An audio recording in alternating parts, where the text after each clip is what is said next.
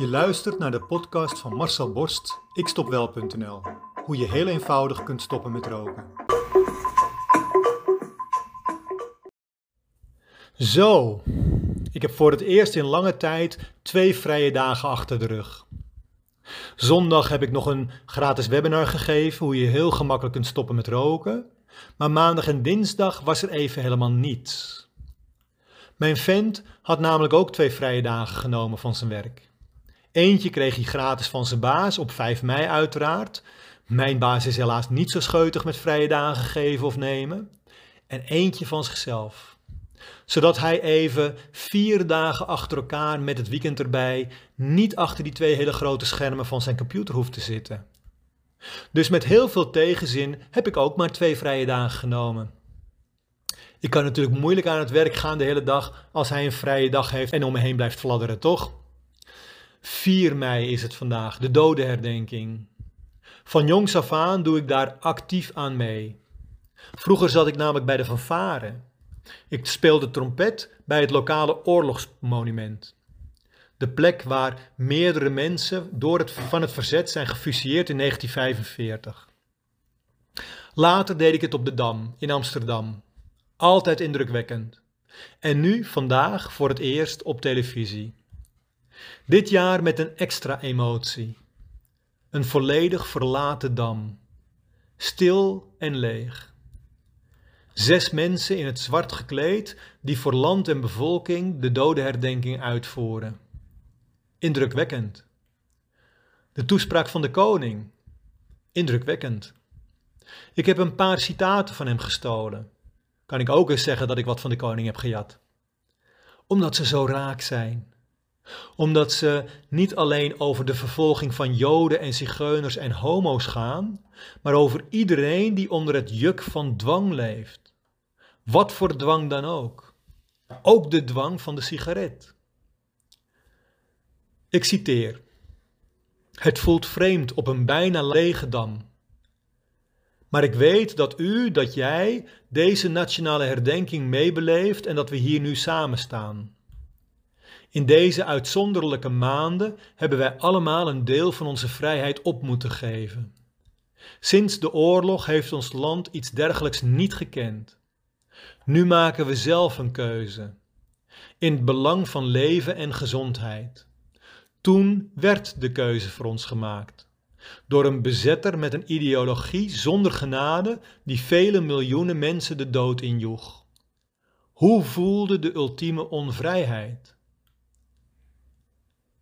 Al is het met geen velden of wegen te vergelijken met wat er toen is gebeurd, toch link ik dit soort teksten altijd meteen aan rokers.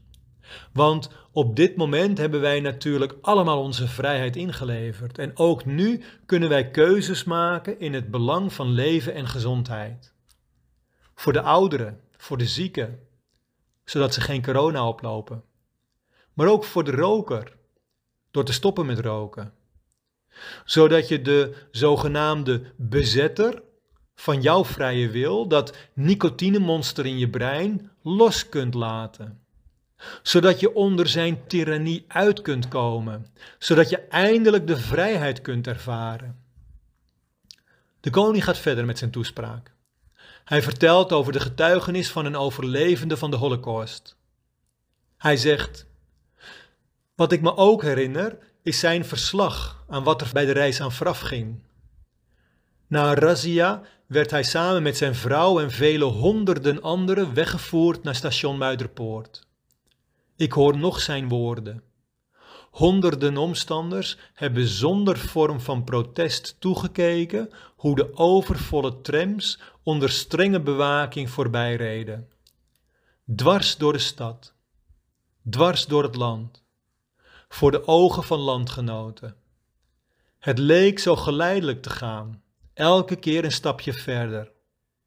Niet meer naar het zwembad mogen, niet meer mogen meespelen in een orkest, niet meer mogen fietsen, niet meer mogen studeren, op straat worden gezet, worden opgepakt en weggevoerd.